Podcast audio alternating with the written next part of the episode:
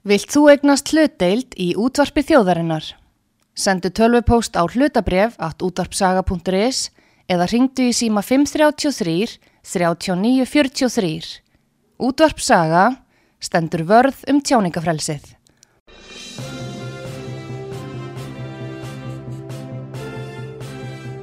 Þú ert að hlusta á frettir virkunar á útvarpi sögu.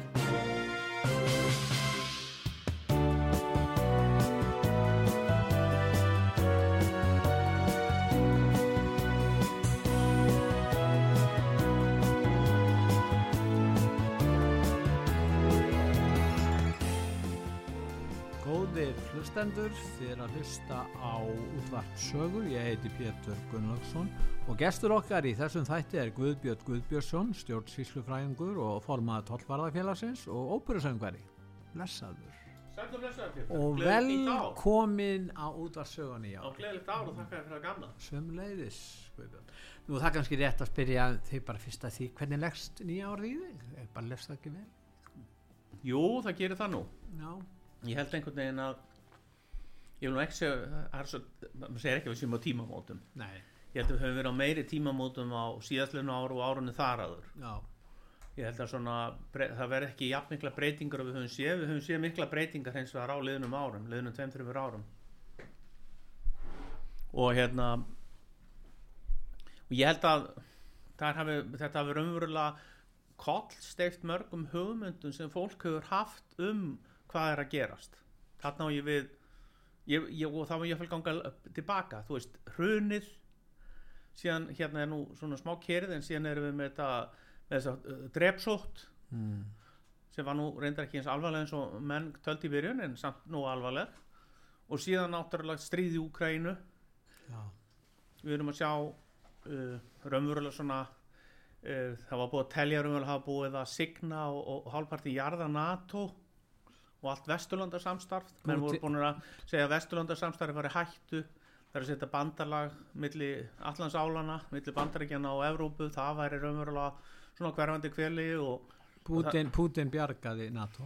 Já, Putin bjargaði NATO en ég vil meina, vil nú meina að það hafi verið nokkuð auðsjáanlegt allan tíman. Ég vil meina að, að þessi ofur bjart síni og þessi, þessi ofur trú á að 1990 hafi verið sem vissulega það gerði slutir þegar, þegar múrin reynur og, og það er ákveðin kaplaskil sem eiga sér stað þar sem, sem, sem, sem, sem fyrst er það náttúrulega heimstöröldun og síðan kalda stríð og svo 1990 en hins vegar kannski voru menn og bjart sínir þá.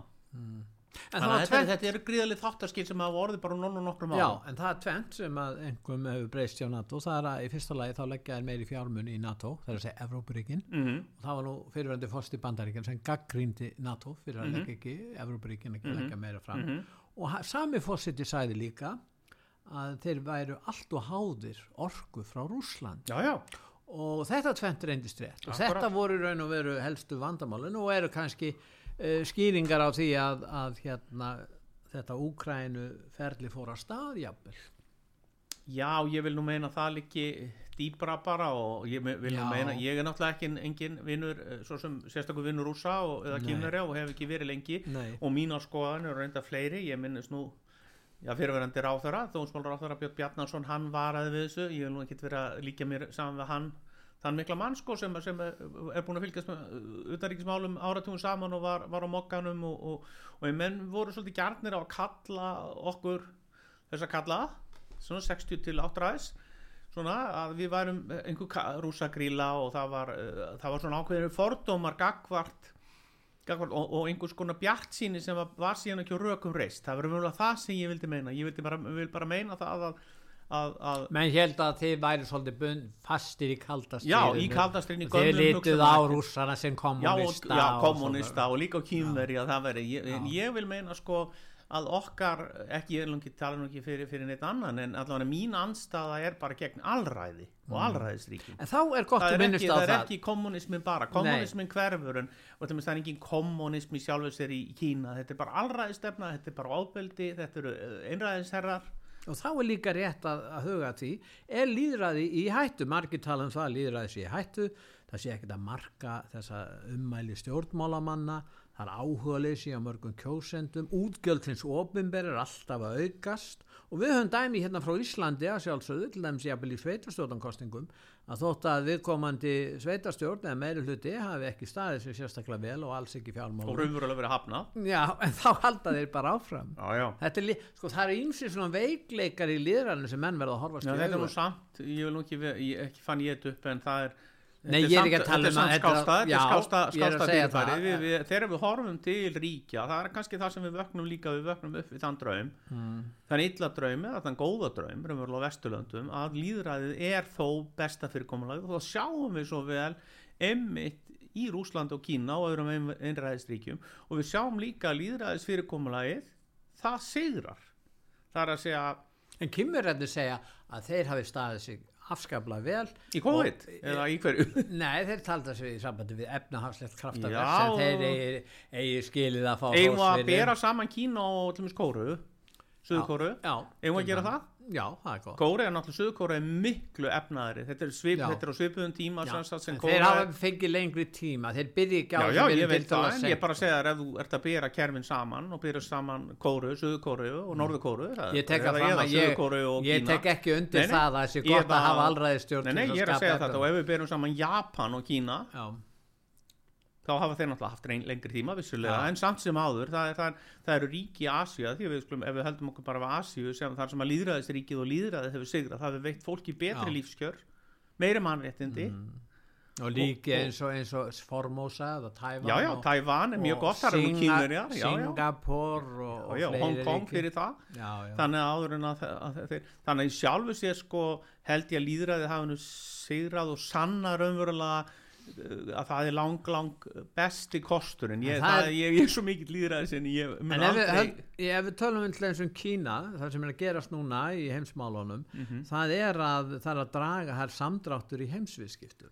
Já. Hvað þýðir það? Það þýðir Kína. það að þau ríki sem að byggja á, á sko, utaríksviðskiptum fyrst og fremst eins og Kínverjar og Asjuríkin, Mhm. að þau eftir að lendi í vandræðum vegna samdráttar í alþjóðaviðskiptum. Já, nú hafa kynverjar reynda verið að byggja miklu meira á innanríkisviðskiptum, það er að sjá neyslu innanlands undanfærin ár. Þeir hafa verið að reyna að breyta þess að vera ekki eins útflutningsdrifið hagkerfi eins og þeir voru. Þannig í sjálfu sér, Þeir flytja Hafa- 80% inn af sínu orku, já, já, fæðan í mjög mikið stól en hluti. það eru þeir fleiri flytja ríki inn- sem gera, er, er gera ef við þeir horfum á Þískaland, þá er það mjög útflutningsdrifið og hefur allur, er það, til það flytja er inn, já, alla sína orku eins og því miður hefur komið Já. fram núna með gasið frá Rúslandi og þeir eru mikil útflutningssjóð. Enda eru þeir í Þeir bull, vanda. þeir eru í bullandi vanda, það er alveg rétt. En ég held samt sem áður uh, samt er þeirra vandræði svolítið öðruvísi, þeir hafa náttúrulega þennan stóra markað, Evrópu Mm. sem þeir hafa náttúrulega, og svo hafa þeir bandaríkin og þar er engin snurða ennþá hlaupið á þráðin þar. Það er ennþá útflutningur í gangi, hann hefur jáfnvel aukist núna eftir að evran vektist, gagvar dollar. Þannig sjálfur sér, sko, eru þeir að, eru þeir að ná sér umverulega upp úr að hluta til ef þeir hefðu nú nægilega orku þannig að það allir með sem svo í Þýskaland er framleiðslan á fullu.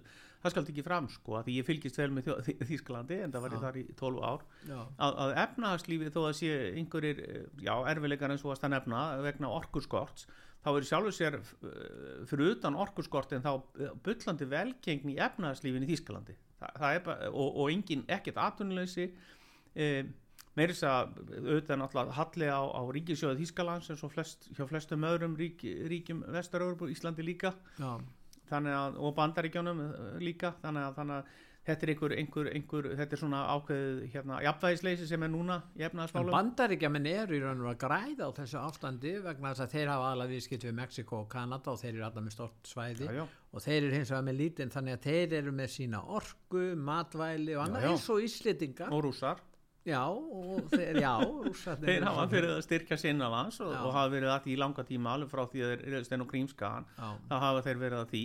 Ég hins vegar er nú ekki á þeirri skoðun að, að, að, að, einhvers, einhver merkantilismi eða einhvers konar aftur hvar til, til þeirra tíma þegar við vorum að, að, reyna að búa til uh, ullar uh, úlpur uh, hjá gefin og yðun eða, Eh, Þú meina að það verði dreigið úr eh, Nei, ég held að lífsgæðin sem við búum við og sem Vestlönd hafa búið við og sem heimurum býr við, kínverðir og allir þau skapast náttúrulega stærstu leita af En alþjóðaviðskiptum samdrátturinn verður hann áfram í alþjóð, við vitum ekki hvernig það verður Nei, ég held nú að menn muni nú sko, kapitalismin er, er, er hérna, finnur leiðir. hann finnur leiðir já, það er bara þannig sem betur fer en, en eins og hann, eh, hann, hann, hann á sína góða slæmi hliðar en góða En- hliðin er svo að, að fjármagni finnur, finnur En leiðir. ofinbera þjónustan endilega finnur ekki leiðir. Við sjáum það í helbriðskerfun á Íslandi, við erum að tala um líðræði. Já, mjög að sé- margir óanæði með Já, helbriðskerfun. mjög margir með en ég held samt sem áður Og, og, alveg- og menn er að koma framfæri óanægi, en það hefur engin áhrif. Byðlistarnir er að stýttast og það hefur átt sér stað ákveðin breyting á landsbítalunum, það er búið að fara í skipulagsbreytinga þar, þetta tekur allt svolítið tíma, þetta er náttúrulega uh, þetta er stórt batteri og það tekur tíma og þetta er stór, stórt skip Við erum að tala um bráða vaktina til Já, það, er, það, það skilur maður ekki alveg, maður skilur ekki alveg að það sé ekki hægt að snúa á hana því, þetta er náttúrulega einhver lítið húsnæðisvandi. Er þetta stjórnsýslu vandi? Nei, ég held að þetta sé meira bara, ég held að þetta sé meira bara aðstöðuleysi líka. En einhverju leiti þá hafa Oflitlar fjárfestingar í Já, ég hef bara mjög langan tíma í heilbriðiskerfinu og í, í mörgu. Já. Við sjáum þetta líka varðandi rafræna stjórnsýslu á Íslandi. Hún er hérna líka einhvern veginn, uh, við erum að vera eftirbátar. Þar sem við vorum í fórustu, þar erum við að verða svolítið meir eftirbátar. Akkur er það? Ég held að sé bara stefnu og leysi, stjórnleysi.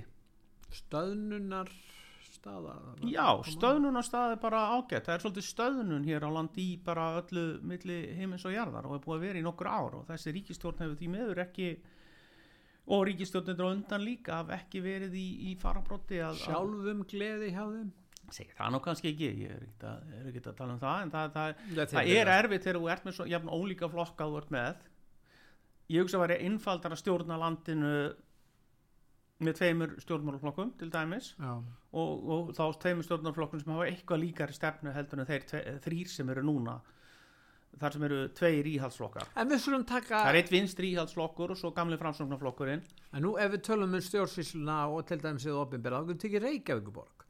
Reykjavíkuborg var hér, var á sínu tíma, uh, þá voru flestir held ég, allavega meiri hlutur Reykjavíkinga, mjög sammála um það að Reykjavíkuborg var vel stjórna hér áður fyrr. Núna höfum við marga flokka, uh, vandamálin í sambandi við samgönguna núna og, og fjármáli hjá borginni og við vitum í raun og veru ekki hvernig staðan er, hversu alvarleg hún, kann að vera. og það var náttúrulega auðsjáanlega ekki sannleikurinn var ekki borin á borð í síðustu kostningum, sveitastum kostningum það er alveg ljóst að það var já, logið eða allavega sann, allur sannleikurinn var ekki sagði hvað fjármál borgarinn varðar það er alveg, alveg En er þetta deginum- ekki einmitt það er eitt af alveg þeim deginum dæmum sem dregur úr Pétur, það er alveg deginum ljósara. Já, að það dregur úr virðingu fyrir líðræðinu og líðræði sjónaminu þó að eins og segir skasta fyrirkomulagi en þegar að stjórnmálamenn eru ekki eh, kom ekki á hreinskiptin hátt fram við kjósendur og er að reyna að fela og blekja og svo framvegis. Og þetta gerist á svo mörgum stigum og svið Jú, ég held samt að það sé ekkit unnið með því að gera líðræðis fyrirkomulagi tortryggilegt eða ekki að vafa gaggrína, jú en þá uppbyggilan og málefnalan hátt. Já. ég held að sé ekkit unnið með því að, að koma að vera með þetta allt í einhverjum æs, vantaði gaggrinni, æsifréttastíl. vantaði gaggrinni á, á borgina meira? Nei, jú, ég myndi segja það ég myndi segja, ég myndi ekki skrifa þetta neitt síður á andstöðuna sem sagt eh, borgarstjórnar andstöðuna heldur en á borgarstjórnina sjálfa. Mér finnst ekki þeir hafa fóru verið- mjög illa út úr þessu anstæðan Já, ég Eins það má segja eins og um Vigdísi, blessaða, en hún allavega helt uppi, hún var náttúrulega stundum gekk hún ansi langt í málflutningi sínu, það var, var það var áður á hana, já, já, ég veit, en, en samt sem áður, en, en, en, svona hvað innihaldið varðaði, þá hafði hún á rétt að standa, Já, hún er ekki stjórnmálun en hún er ekki í stjórnmálun lengur, Nei, það var áður svo mikið á hana, það segir okkur náttúrulega bara það að þetta er svo vanþaklátt að segja sannleikan, og, að gaggrina og gaggrína, já, já, ríkisútgjöldin en ég ætla ekki að taka undir hennar málflutninga öllu, eða málflutningurinn var kannski ekki slæmur, en tónnin sem hún beitti var ekki góður. en tónnin kannski hvaða tón getum við sett uh, Já, sko, beitt. tónnin skiptir máli, nú er ég óperusöngvari og, Já. og, og fyrirverandi og tónlistamál svona, og þjóðurinn segir þetta er tónmakt í músík, Já, þú ert að- tónnin gerir tónlistina. og þú ert að kenna ég er ekki hann, söng Já, alltaf og, já. og, en tónning gerir tónlistina Já. það er að segja tón það, það hvernig hann hljómar þannig að, þannig að auðvitað skiptir máli hvernig hlutirnir eru staði stundum þarf maður að vera svolítið kvass Mm. reyndar til þess að þessi hlusta á mann en það má aldrei vera ókurtis Nei, en það er uh, hvað finnst þér um til dæmis í sambandi við fjölmiðlana hjá okkur núna? Þú vorst að minnast á það eh, tala um gaggrínina eru við þá með svona frekar ófullkomna og, og Mm. Veit fjölmiðla ekki, sem að eru ekki nægilega nægilega duglegir að gaggrína hvað þá með ég vil meina þetta sé vesturlanda þetta er náttúrulega algjört vandamál í Rúsland og Kína. Það eru náttúrulega engi virki Nei, nei, nei. þannig að það er svo sem ekki að setja sé vesturlanda. En þetta er Nei. ákveðið vandamál hjá okkur sem við áttum ekki við að stríða í langan tíma. Og þetta er farið að minna óþægilega mikið á þá tíma þegar ég var barn. Þjóðviljin, morgunblaðið og, og einhvern veginn einhver svona, það er svona en þá hvassir vissum, þá kantar vissum en Já, hvað vissum blöð- en blöðin það, stóðu já, já, já, maður vissi hvað blöðin stóð fyrir en, en, já, þú ert, meina, þú ert að meina agenda sem Já. var á bakvið Já. já, já, maður vissi það, maður vissi að maður, ef maður las mokkan þá þurftum maður að, deili það var einn ein, ein samnefnar og svo annar hjá þjóðviljanum og svo, fram, svo framsóknar flokkurinn var með tíman og svona, ok ég kaupi þetta en samt sem ára á þessum tíma voru fjölmiðlarnir ekkit endilega að segja sannleikan heldur.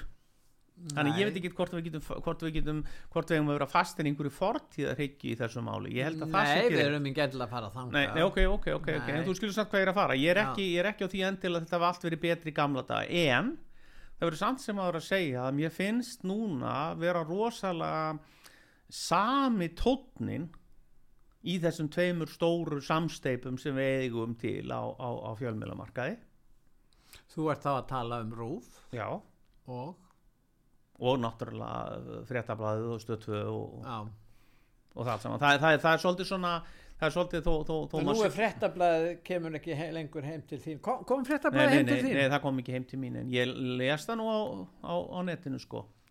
Þú lest á netinu. Já, og ég lest allt á netinu þannig að þessi dreifing segir nú að lítið á pappir þetta er bara Já. fyrir, fyrir gamalt fólk eins og mig og þig Pétur kannski, ég, mér finnst alltaf gaman að taka svona blað í hönd þetta minnum hann á gamla tíma en í sjálfu sér afla En nú er þetta talsverð breyting. Það fækkar blöðum úr 90.000 eintökum niður í 6 eða 7.000 Já, já, en ég meina dreifingin er bara ekki endilega, það, það segir ekki allt fjöldin það, það, því, að, því að netið hefur á mestuleiti tekið við þessu, þú sér það líka útvarpið sögur, örugglega það er fólk er að hlusta á, á útvarpið allan sólarringin og hvar sem er í heiminum og þannig, að- þannig að þetta segir ekki allar söguna. Ég hef engar áhugjur af því þó fréttablaði sé hægt að koma út á pappir mm. aðal atriðið er að við séum með fjölbreyta blaðamennsku En nú og er það kom allar skoðanir fram og ég vil líka taka það fram að hrósi ykkur út arpið sögu. Því komið oft með allt annan vinkil á hlutina heldur en til dæmis rúf eða, eða, eða uh, sín eða hvað það heitir í dag. fjárhagstaða fjölmjöluna hér á Íslandi er auðvitað, hún er óviðunandi hún alltaf gengur ekki til lengrar það er Já, ég en það er ekki bara með af Ísland ef við lítum til annara landa Já, já, þá er staðan mjög akkurat, og það var það sem ég ætlaði að segja áðan. Þetta er allstar á Vesturlöndum. Þetta er svolítið svona bara krísa og það er vegna þess að Facebook og þessi Já. fjölmiðlar er búin að hýrða auðlýsingarna frá hefðbundum já, og, og, og hérna og Google og já, já, já, já, ég veit það. Og þetta er, þetta, ég er alveg sammála en hvort hann lausninni fólkinni því að setja þetta allt á fjárlög og ég veit ekki hættu hvort lausninni Nei. setja, setja alla landsmenn á, á ríkisjötuna. Ég veit Nei. ekki hvort allir getur orðið ríkistarsmenn eins og, eins, og, eins og var í COVID. Nei, er svolítið en það, en að það er svo leið sem er farin ekki að allu leiti en, en, en, en auðsónlega meina. er erfitt, það er erfitt fyrir, fyrir ríkisjóð að, snú ofan að þessari vittlusu sem var í gangi 2019 En og á 2020 ríkisjóður að vera að styðja stjórnmálaflokka, lífskoðunafélög, eh, stefnur í, í, trúar, eh, trúarmálum, fjölmiðla, ég meina er ekki bara komin tími til þess að þetta auðvitað bara, þarf að skoða þetta allt saman. Og það þarf almennt að fara yfir ríkisreksturinn á, í það heila það held ég að sé al- alveg ljóst. En það er ekki þannig að ég var nú er, er, ég er í stjórn uh, formannar áður ert og er formannar stjættafélags innan þið og mér núna- finnst það verið ráðist að ósekju á ríkið starfsmenn og, og bæjarstarfsmenn eða borgarstarfsmenn eða starfsmenn sveitafélaga undanfjöndu og til þess að þessar fréttir um fjölgun ríkið starfsmenn og annað sem verið standast sem ekki skoðun eins og, eins og hefur komið fram á ofnbyrju En fyrst er þetta að vera árás á, á, á starfsmenn er þetta ekki bara árás á það sem stjórna þessu óbyrnbæra batteri Jú, jú, það má alveg segja það líka en ég bara segja það að það er ekki staðrindirnar tala ekki þessu máli. Það er ekki vandamálið, er ekki fjölgun og bara starfsmann endilega.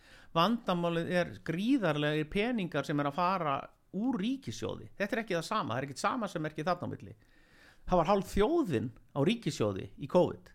Talaði enginn um það.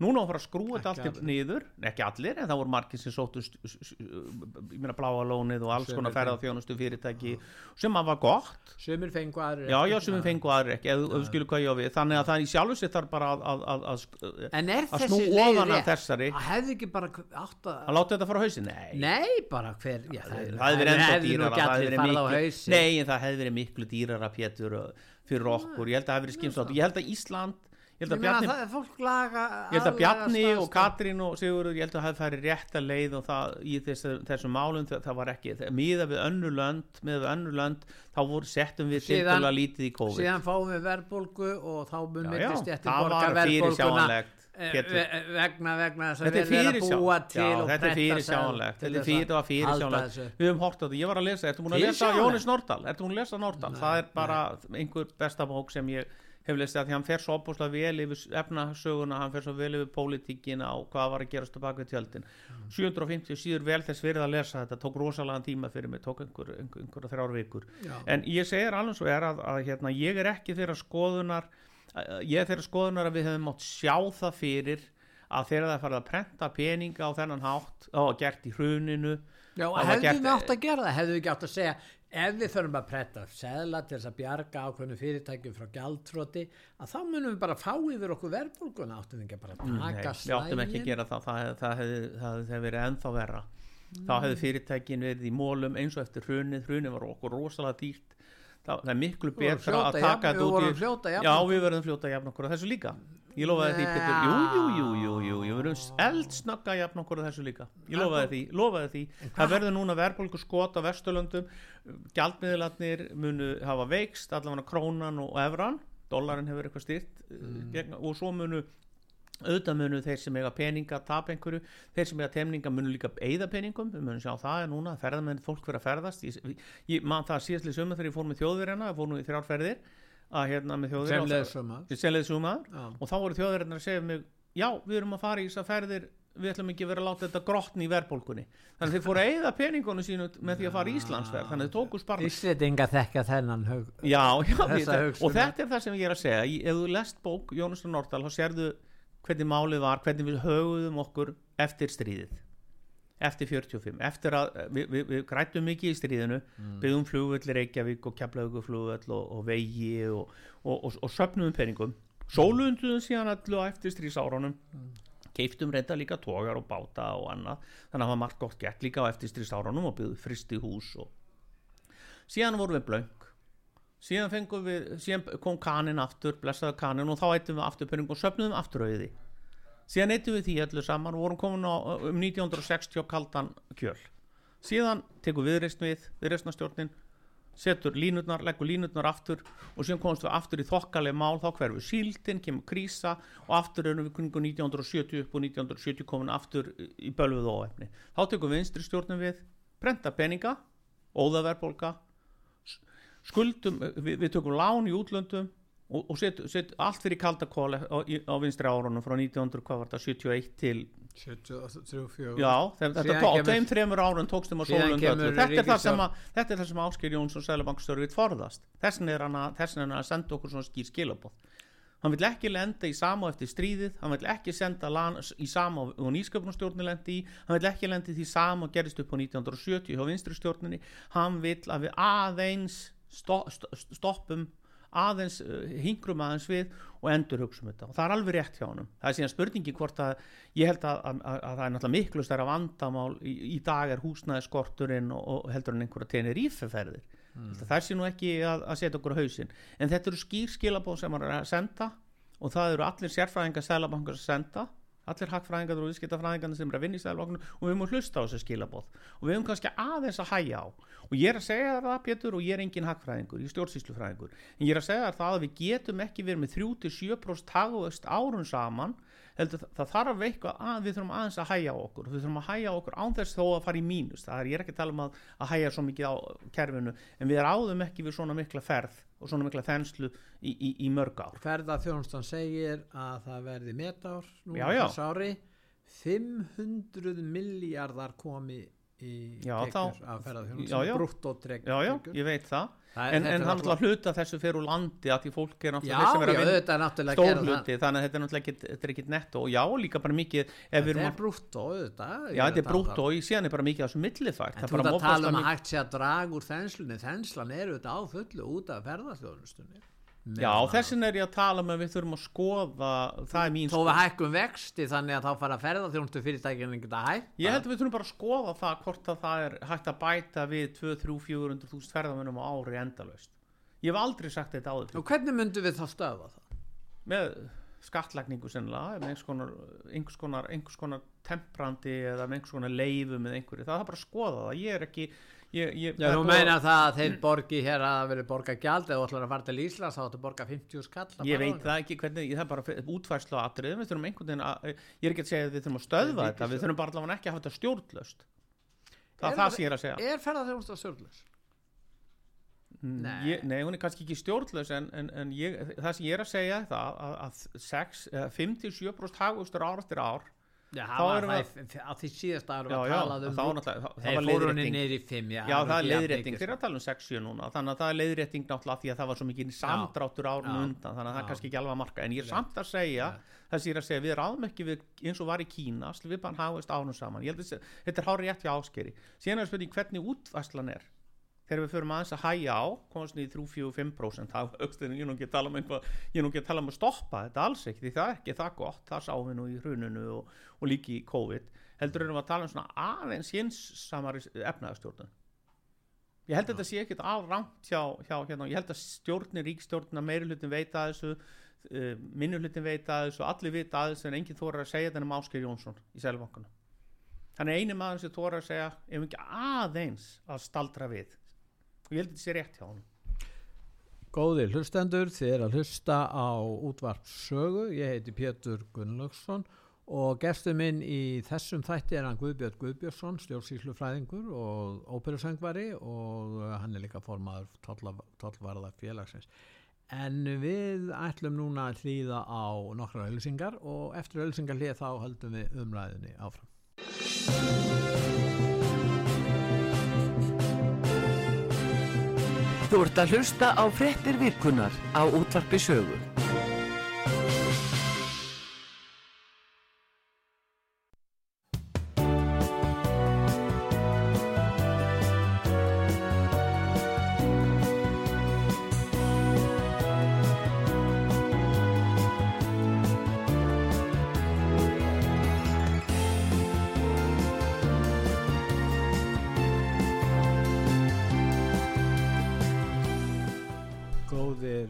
Hlustendur, þið er að hlusta á útvart sögu, ég heiti Pétur Gunnlaugsson og ég er að ræða við hann Guðbjörn Guðbjörnsson, tjórsýslufræðing og óperu söngbara.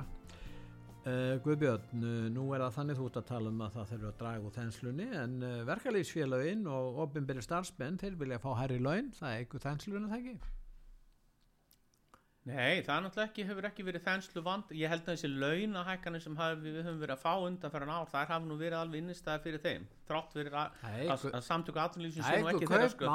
Já, já, en ég meina ég held að, held að það hafi verið innistæði ég held að sko Íslands samfélag og Íslands efnarslíf hefur gengið alveg ótrúlega vel undan fyrir ár og það er ekki óðurlegt að laun þegar hérna sem En sagt nú- heimti þá hærri laun er ekki, Nei, nei, en, nú eiga óbyrð starfsmenn eftir að semja. Já, já, og ég held Og bara kröfur- þar? Ég er þar að semja, já, já og, og hérna, ég finnst það sem er að koma frá Sonju í, hjá, frá, frá BCB og Friðriki Jónssoni hjá Mm. BOM er mjög skynsanlegt og kennur sambandunum, ég finnst auðvitað er verður samið að einhverju leita á svipuðum nótum og, og, og, og hjá öðrum, það, það segir sér bara sjálf þetta er umvel verðbólgubætur, það er engin að fara fram á aukin e, kaupmátt Þá höfum við þessa verðbólgu. Já, en við erum samt með hennar verðbólgubæturnar. gríðarlega haks, við erum með hennar gríðarlega hérna, Vöxt. á síðsluna ári Mm. sem náttúrulega kemur fyrirtækundu góða við erum að sjá methagnað allstaðar Mm, Já, hjá svona stóru flestum fyrirtækjum. já, hjá flestum fyrirtækjum, stórhluti atvinnulífsins virðist, stórhluti virðist, öðru, öðrum gengur ekki eins vel eins og í veitingahúsabransanum,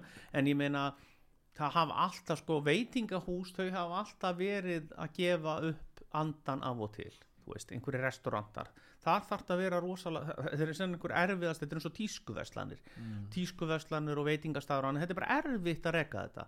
Og maður skilur vel að fara í stinjundan verðhækk, kaupgjaldshækkunum og annað.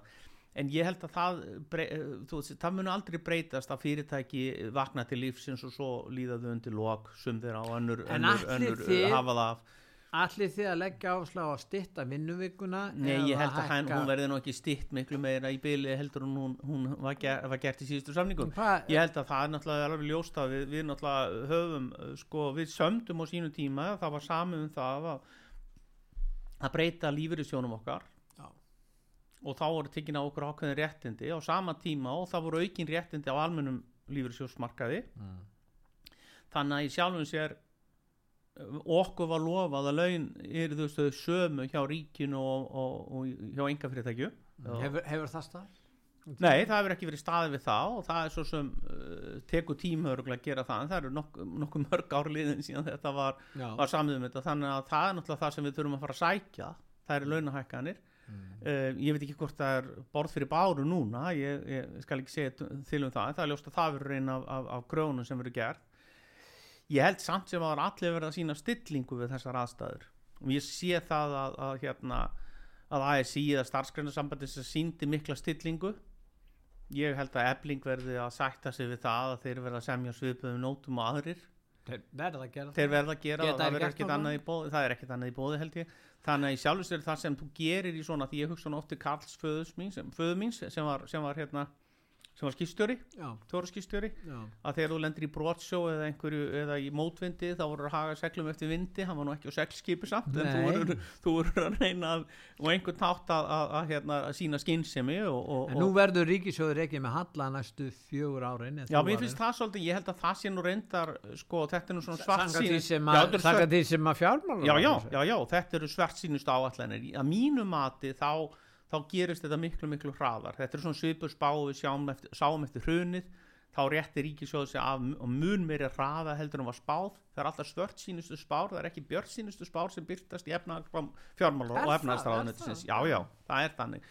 Og í verðbólgu eins og núna þá græðir ríkisjóður það vita allir, það, það, ríkisjóður græðir, græðir á verðbólgu þannig að, að í sjálfu sér sko þeir eru alltaf að greiða eftir á laun og svona þannig að þeir fá alltaf inn tekjunar ef það eru verðhækkanir annað þá eru þeir að fá inn og þeir hækkuðu ju alla sem gjaldskrá. er mjög óheilbrygt afstæð já sem er óheilbrygt ástand og þess vegna er mjög freistandi fyrir ríkisjóði almennt að setja verðbólgu stað því að skuldirna rýrna náttúrulega. Já, því að, því að, Já, því að krónan já, ég minna ríkisjóður er að greiða miklu miklu herri vexti já, og en, en, opinberar aðlar er að greiða herri vexti ellendir en Sælabankar eru að hækka já, bandaríkjónum en við erum ekki eh, stór skuldu í sjálfins ríkisjóður Íslands er ekki stór skuldu neini, þetta eru 30 allir 40 opinberar Reykjavíkuborg Já, Reykjavíkuborg er að tapa rosalega Ok, ég samt ekki það En það er náttúrulega eitthvað, það er ekki ríkisjóður Já, það er bara all, mörg, sve, helmingu sveitafélag Já, já, ég skal viðkynna það En ekki ríkisjóður, ríkisjóður Íslands er ekki á hausnum Það er svo langt Nei, frá. en þeir skulda það Við skuldum þetta minnst á Þeir borga Vesturlöndum 14 miljardar núna Já, já, í já, vexti já En það er líka skuldirnar er að rýrna á móti. Það Já, er að þeir- þetta rýrna eru verkildi verðtryggð- lánsveð Nei, nei, ekki skulda- bara verkildi Þetta er, það er bara rám Það er bara, það, sko, skuldirnar er að rýrna á móti. Þannig að í sjálfu sér, sko, þegar nettó er uppstæð það er bara viðkjönd staðin Í erlendu gjaldeyri? viðkjönd stað, við skuldum ekki mikið í erlendum lánum. Jó. Nei, nei, nei, nei, nei, nei? Tjekka, Já, hlutfallið er, ég man það ekki hvað það er. Við hefum 900 miljard í gjaldri sjóðum með eitthvað En hvað 850 ertu að segja það þá að, að, að ríkissjóður nýtu góðs af því að hafa gert lánasamninga sem að gera það verkum að þeir muni koma til með að græða verðbólgun Þeir gerðu þetta ekki viljandi, þetta er bara það sem Nei, gerist. Þeir meina, náttúrulega, þetta menn voru ekki svo klárir í fjármálundan þeir hafi sé, við sáum ekki fyrir Þeir hrunið og þeir við eru erum ekki að heldur að fá sjá fyrir okkur þeir eru ekki þetta. að fá fasta vakstagreislur í mörg ár fram í tíma. Nei, en ég, þetta er bara almennt viðurkent að, að ríkisjóður eru almennt og það er rosa erfitt þess að ofta vefju ofan af eða snú ofan af verðbólgu eða ofan af ríki, þegar þú ert í þessar aðstöð það er freistandi fyrir ríki að láta bara verðbólguna aðeins guttla að áfram. við halda óheilbriðu afstöð Já, eins og gerist og á er árunum frá og þetta er 70 við, já. og, og til til 80 já, já, og- lengur upp, og bara til 45, 90, já, 90 já, eitthvað, ætla sem- Davíð raunverulega það til, til ætla Stengrimur Hermansson raunverulega, við erum að tala um en þá te aftengdu þið launin já, já, já, já, já, já. Og það er, það þarf finnst það ekkert endilega að gera. En er þið eru ekki að fara fram á það hérna, þið sem eru að semja við ríkið að, að tengja launin við vísitölu Nei, hvers nættu við að gera eitthvað frekar heldur en almenni Nei, markaður? ég segi það Hvers nættu við að taka okkur Nei, þetta nei. högg en En ekki það- almenni? Ef, ef allir, en er ef það er er er er er einhverjir svona samið. þjóðasamninga þá, þá eru það allir að fall- fallendu þá ekki bara opinberir starfsmenn. fjármagnir getur tryggt sig með því að tengjast við vísitölu eins og í verðtröflánum og vextirnir hækka það mikið já, já, Þannig að fjármagnir hefur tekist, það hefur tekist að verja fjár- fjármagnir en sumi segja hins vegar að launavísitalan hafi hækka meira þannig að laun hafi raun verið að hækka meira Sumir segja það, ég held að það sé náttúrulega ekki rétt. Og þú horfir á að verðbólgan er búin að vera hvað 10% sko, Já. þá er náttúrulega kaupmátturinn hefur hruni Já, það er bara staðurinn, það serðu bara hjá sjálfum þig Pétur, þú ferð í búð og þú, bara, þú, þú fær bara 10, Við sjáum 10% það minna þess eða jafnvel 15% minna í, í, í, bónusbókaðin heldur en fyrir. Þannig að þetta er ekki alveg rétt. Fyrirtekin hafa tryggt sig. Þau hafa bara hækkað af okkur.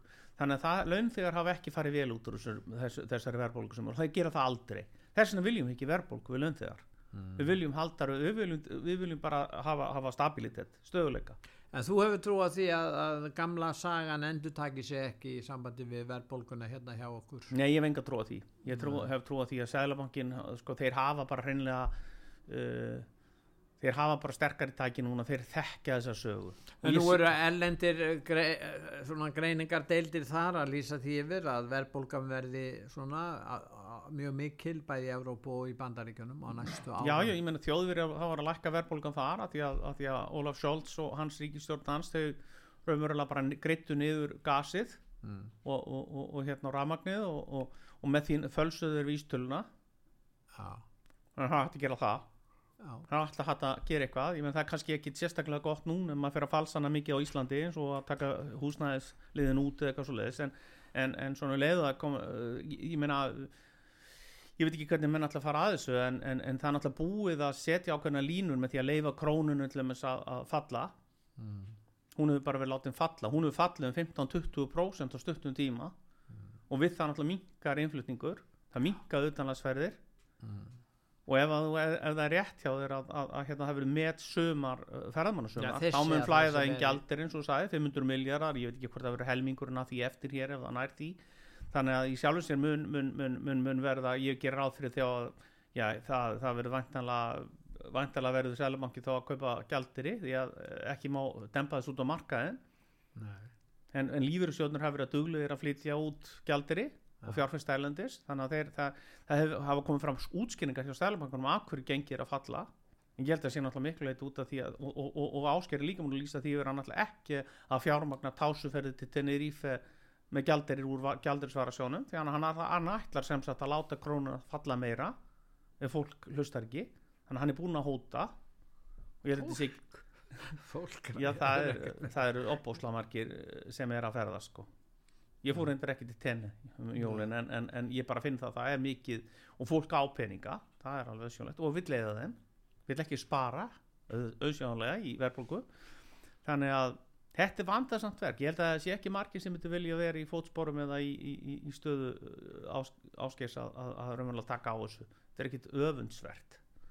En Nei. hann er að gera held í ágæti sluti ég var ekki sömu skoðana fyrir mánuði síðan en eftir að hafa lesið uh, Jónis Nordal og, og, og hérna rifjað upp þetta allt saman eftir stríst árin nýsköpunarstjórnina uh, viðreist og, og, og vinstri stjórnina upp á 1970 og, svo all, allt á baslið þegar ég var krakki, unglingur, á ungu maður þessum tíma Guðbjörn, það var náttúrulega uh, atvinnugreinarnar það voru allt aðrar hér Allt það, öðru- það var það- náttúrulega það miklu já, já. einhæfara atvinnur allt öðruvísi. Það er það sem ég var að segja við heldur að sagan endur takki sér nei, ég heldur hún endur takki sér ekki. það er bara þannig.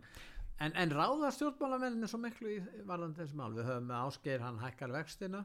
Eh, þegar þú spyr stjórnmálamenn og sem koma hingað og þegar hann auðvitað spyr ráða hvað þeir. ætlaði að gera í verðbólgumálum þeir, alveg, ráða heilmiklu, þeir ráða Já, og hvernig hafa þeir gert? Þeir hafa hækkað þjónustugjöld og annars líka já, já, það er ekki gott en, en, en auðsjóðlega vilja, ég veit ekki hvernig hvort þeir að slá á, á, slá á, á eftirspurnina hjá, hjá bráðamóttökunni, ég veit ekki hvort tökum hvort það hvort er að reyna að koma fólki að fólk fari ekki til læknis eða eitthvað, ég veit ekki hvað þeir eru að hugsa með þessu en þeir eru alltaf auðsjónlega það á að minka peningamagni um, umferð Mm. það er verið að taka inn peninga og það er auðsjónlegt að það á að minka það og þá mun þetta stabiliserast það er náttúrulega var, voru bara, þegar þú setur þessu í kóð þú setur bara út endalösu peninga við erum að horfa á þetta aftur og aftur það var það sem ég var að telja upp á þann eftir stríst árin, ísköpunar árin upp úr 1970 bara, og þetta erum við búin að gera og þetta var gert í Bretlandi, Bandaríkjónum þetta er gert allstaðar og þetta bara, þetta var bara viðbúið að það myndi koma verðbólga núna, ég skil ekki hvað allir eru hissa. Ég, ég, þetta er bara, bara þegar þú prentar svona mikið af peningum þá verða það að verði bara svo frambóð eftirspurn það verður bara minni, það er bara offrambóð af peningum En það er aðteglisverði hlutir að gerast í bandaríkjónum þar var eðslan á síðasta ári gífuleg Mhm. og uh, republikanaflokkurinn sem er konið meiri hlut í fulltrúadeildinni mm -hmm. uh, þeir, það er ákveðin hópur innan republikanaflokk sem sætti sig ekki við þetta því að ymsið republikanar stuttu þessa eðslu demokratana á síðasta ári Mhm. og nú er það þannig að þeir getur ekki eins og kosið sér hérna kosið fórseta þingfórseta eh, Kevin McCarthy hann kemst valla áfram. Nei. og það er vegna þess að ákveðin minni hluti ef við getum kallað á harlínumanna þeir segja við getum ekkert sætt okkur við þetta. Og flokkurinn er náttúrulega fær, fær við eitthvað útreið út af þessu. En þannig að það er að verða ákveðin svona viðbröð við þessari þessari gífulegu útþenslu og eðslu hins og Já, demokrater hafa verið ansi klárir svona að, að, að deila og drottna, divide and concur já, þeir hafa raunverulega þeir hafa raunverulega, þeim hefur tekist einhvern veginn að, að tvístra republikunum sem hafa verið ofsalega já, bara hafa verið ósamstað og þetta má segja líka um vinstri vangin á Íslandi þú veist, hann hefur verið splittað upp í ótal flokka og, og þetta verið verið að breytast hér og ég held að þetta muni breytast líka í bandaríkjunum, ég held að komið öflugur Nei, ég meina hver ætlar að, að, að- að draga saman seglin í útþenslu bandaríkjana sambandi við útgjöld. Útgjöld og annað. Já, þeir eru svo gífulega, þeir, þeir ráða ekkert við þetta. Það er- þarf er einhvern sterkan fóringja til þess og ég man nú ekki samt hafa nú sko það hafa verið fórsetar bæði, til, bæði demokrater og republikana sem hafa tekið á ríkisfjármálum Já, sko, þeir hafa hefur ekki- notið góðs að því að þeir eru með dollaran sem er alþjóða gjaldmiðl Já, já, en þeir hafa og náttúrulega svo notið- geta þeir þá raun og verið látið verðbólguna gild út um allan þeir njóta náttúrulega góðsa líka. Þetta er ekki bara svona einfalt því að þeir hafa náttúrulega notið góðsa því líka núna þeir eru sjálfum sér nógir með gas og, Já, já. og geta flutt út með þessa gas og þeir eiga nóg olju, þeir eiga nóg að torni og Já, þeir eiga nóg að þú veist, þetta er bara ríkt þjóðfélag, ég held að menn gleymi því nú oft með bandaríkina, þetta er Mm. nú ansi þetta er eitt sterkasti yðnaður í heimi sterkasti landbúnaður orkugeirin, veist, það er alveg sama hvar þú, hvort, þú, hvort þeir, þeir framleiða Þeir framlega appelsínundan sínur í Flórida og þú veist og vínið í Kaliforníu. Þú veist þetta er opbóðslega öflugt ríki og við, við, við, við, við erum ofta með þetta. Þetta er eins og Evrópa, hún er rosalega öflug líka í raun með, sitt, með sína 500 miljónir íbúa og, og með, með söður og þess að greiðalu hvað finnst þér, hvernig heldur þú að Evrópa komist út úr þessum vanda í sambandi við samskiptin eftir, eftir, eftir ég held að það sé náttúrulega fyrst og fremst þarf að ná stjórn og það þarf að ná stjórn og sælabanka Evrópu. Ok, það hver allar að gera það. Ég, það, það lítur nú ekki vel út með það því að þeir hafa nú farið hvað þeir hafa nú, þeir hafa þeir, þeir uh, stældu Sælabankabandaríkjana og hafa verið með þess að hafa verið að prenta peninga Já, já. alveg endalaust og síðan hafa og með lága vexti með lága vexti en þeir þarðu ekki hafa verið að, að hverfa frá því eða raunverulega hverfa til þess að, að Sælabanki Evrópu raunverulega skuldsetji sig og ábyrð af þeim lánum bera síðan öll aðeldaríkin það er að segja að þeir hafa raunverulega verið að taka völdin frá Sælabankum böngum aðeldaríkin og þessu hefur verið og stjórn skuldbinda skuldbinda þjóðverja aðalega Hollendinga og aðra sem eru Norður-Evrópu þjóðurnar Írland og og þessi Írland og aðra en um leið en Suður-Evrópuríkin hafa uh, hafa komið eru gegn. þau eru bara rosalega sniðug. Já. og þeir eru raunverulega að láta Suður-Evrópu þjóðunar eru að láta Norður þjóðverjan og Norður-Evrópu þjóðunar yfirta, eða sagt yfirtaka skuldbindingar raunverulega eða, og þetta er eitthvað sem að sem að var að hluta til samþygt af kól bara og var verðmiðin sem var settur á var það það er ennþá það er ennþá verið raunverulega að borga það upp. Það er, það er skuldbindingar sem Kól gerði þegar hann samþykti evruna Östu-Þískaland er að verða mjög dýrt. Er Östu Þískaland er að vera þýskum skatgröndum mjög dýr ekki bara þegar við þurftum að byggja upp landið heldur þurftur á sama tíma fórna vestu Þíska markinu sem var enda róðið allt og dýrt. Það var allt og hátt gengi á Þíska markana það var frá háðum útflutning, í útflutningi. En á sama tíma frakkar umverulega sem höfðu þrýst mjög á að fá efruna Já. því að þeir vildu losna við frankan sem hafði nú lengi verið samt verið ákveðið skjaldmiðl og, og þokkalega sterkur. En ítalið náttúrulega hoppuð upp á vagnin og hérna losuðu sig við lýruna sem var heldur ekki að, sko, var honið náttúrulega algjörlega handónýtt en var ekki alltaf við lélu skjaldmiðl, lýran var ekkert og Í- Ítalía var forríkt land þó það sé núna hefur það dreigist aftur og er ennþá ríkt land náttúrulega en, en, en, en, en þessar þjóðir hafa raunverulega verið að, að lifa um efni fram og Greikland líka sem er bara pínlítið land Já. það skiptir nú einhver stóru máli í þessu. En, en, en, en á þennan vagn hafa þessi Suður-Európaríki hoppað og Sæðlabankin bara gefur út skuldabref eða sem sagt já sem síðan eru eða Sæðlabanki landar Sæðlabankar landar umverulega að gera það í nafni Sæðlabanka Evrópu og úr þessar að verða snjóhengja enn einn snjóhengjan. Og ég bara verða að segja það sennilega bara einu flóttin er fram á við það er svona flóttið fram á við. Hvernig þá? og það er bara sama bandaríkjum hafa verið að gera. Það er bara, þeir halda bara áfram að, að framlengja vikslana, mannst ekki eftir því þegar það 70-80 En þegar menn tóku vikstilánu síðan voruð framlengdur vikslana síðan en framlengdur ef og það kemur kom alvarleg kreppa við þessar verðbólgan er að sjá um þetta. Verðbólgan er umverulega verðfella allt og, það er og verið að launa lækku já þetta er sama og breytar gerðu líka að launa lækku, set- þú ert að berjast fyrir meiri kaupmætti já, svo fáum við já, verðbólgu og það þýðir launa lækku Já, þú erum bara verðfelli peningan og svo hækkar að launin á móti, þetta er bara sami gamli leikurinn og svo eftir þetta, ein, þetta, þetta er svona leiðir það er einmitt svona stjórnun Já, sem að dregur úr virðingu trúverðuleika það. Hvernig heldur þessi í Ameríku núna þegar þú horfir á Þessi sjónaskermin þá sér einhverja republikana Já, 20 stykki Æ, og segja getur, sko, við erum áttu svo gamli við munum eftir þessu öllu saman. Þetta er búið að gera þetta aftur og aftur og aftur. þetta, þetta Jóhannes 1923 Jóhannes Bandaríkjunum. skrifar frábæra bókum þetta. Mann ekki hvað sakfræðingurinn heitin sem var með honum í þessu.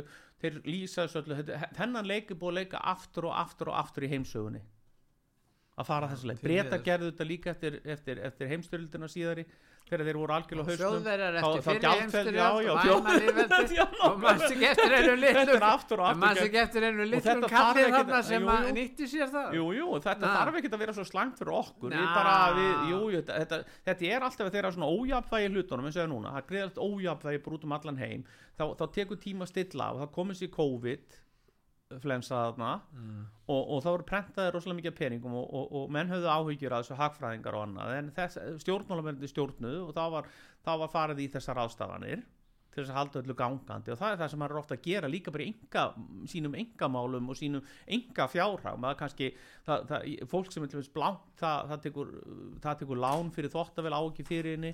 Eða það þú ferði vísa rað fyrir jólin fer til tenni og svo setur þú á vísa rað og ert rétt búin að borga vísa rað. Ég fór ekki til tenni, þurfti ekki ég var alltaf fyrir mínu reikningnum, ég fór reynda 13.000 krónur í mínus núna í fyrsta skipti, skilur ekki hvað ég er að fara? Þú veist, það- bara fólk lifir ólíku lífi. Það, það er bara En það er ekki einlega hægt að velja neitt annað viðfáksefni til að ræðum eftir að ræðum fjármálin nema fjölskyldu vandamálin hjá bresku konungsfjölskyldu Já, það er náttúrulega ég verð nú að segja það og ég, nú, ég nú reyti ég marga til reyði en, en er einhver hissa á framferði Harry eftir að hlusta núna í nokkur ára á, eða horta á einhverja framhaldsmyndir eða annað um, um díunu Já, í, The Crown hann er bara um raunverulega hann er bara Crown já, já, krán og fullt að, ég er búin að horfa á nokkra heimildum því ég finnst alltaf gaman að sjá þetta ekki gaman, alltaf ekkert gaman að þessari sögun menn eru nú margir sagfræðingar Harry er bara lifandi eftirmynd díunu hann elskar aðtigli og hann kynnti síðan þessari Megan sem hefur líka gaman aðtigli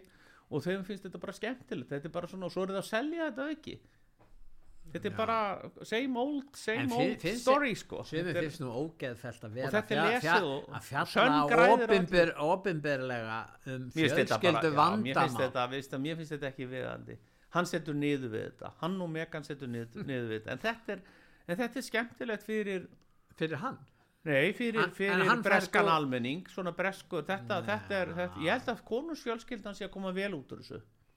Já, hún græðir á þessu Hún græðir á þessu. Þetta er svona skemmt efni, þetta er líki DFF, svolítið mikið núna já, sér. já. Þú er alltaf að skoða hvað er í DFF. En eru margir royalistar á Íslandi? Ég er royalisti.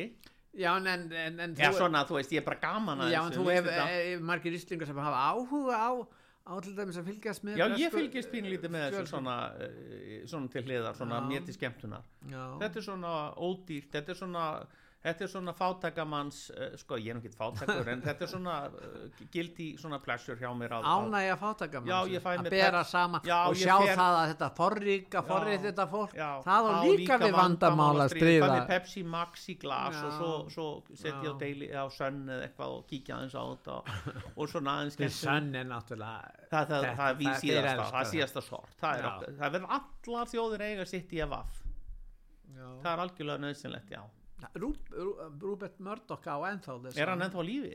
já, já, hann er 90 já, já blóðs, hann er hann ég held að sé, ég veit ekki hvort það sé nýgiftur Það aftur er deyja ungir sem guðnir elska. Það er, engin, sem- það er alveg engin hættu á guðnir elski mörd og já, hann hefur nú staðið sig bara svona Já, vel já, út frá, en- út frá en- svona sínum markmiðum þá En ég. verð að segja að það svona miða við það sem vorum að ræðum á hana því að, það er svo mikla áhyggjur hjá fólki allavega hjá sömum að, að því allt sé að fara til anskotans mm, það er ekkit alltaf að fara til anskotans nei, það, það er föstudagur. Já, það, er, það, er, það var 60% hagvöxtur á síðustlun ári það er met ferðamann að suma framöndan já, við stöndum íslendingar stöndum al, al, algjörlega En frábærlega það er allt öðruvísi ástand í Bretlandi. Já, ég meina Þar ég er í búið að vera daglegu, ég er oft eða kannski vikulu samband við dóttu mín í munn hér og, og, og, og, og, og mannin henn og ég verð að segja alveg eins og ég er að ástandi meira sí í Þýskalanda sem allt er að, er að fara til að anskondast það er nú, það er alls ekki það svo er nú stjættartengt er það ekki? Jú, jú, auðvitað er þau kannski ekki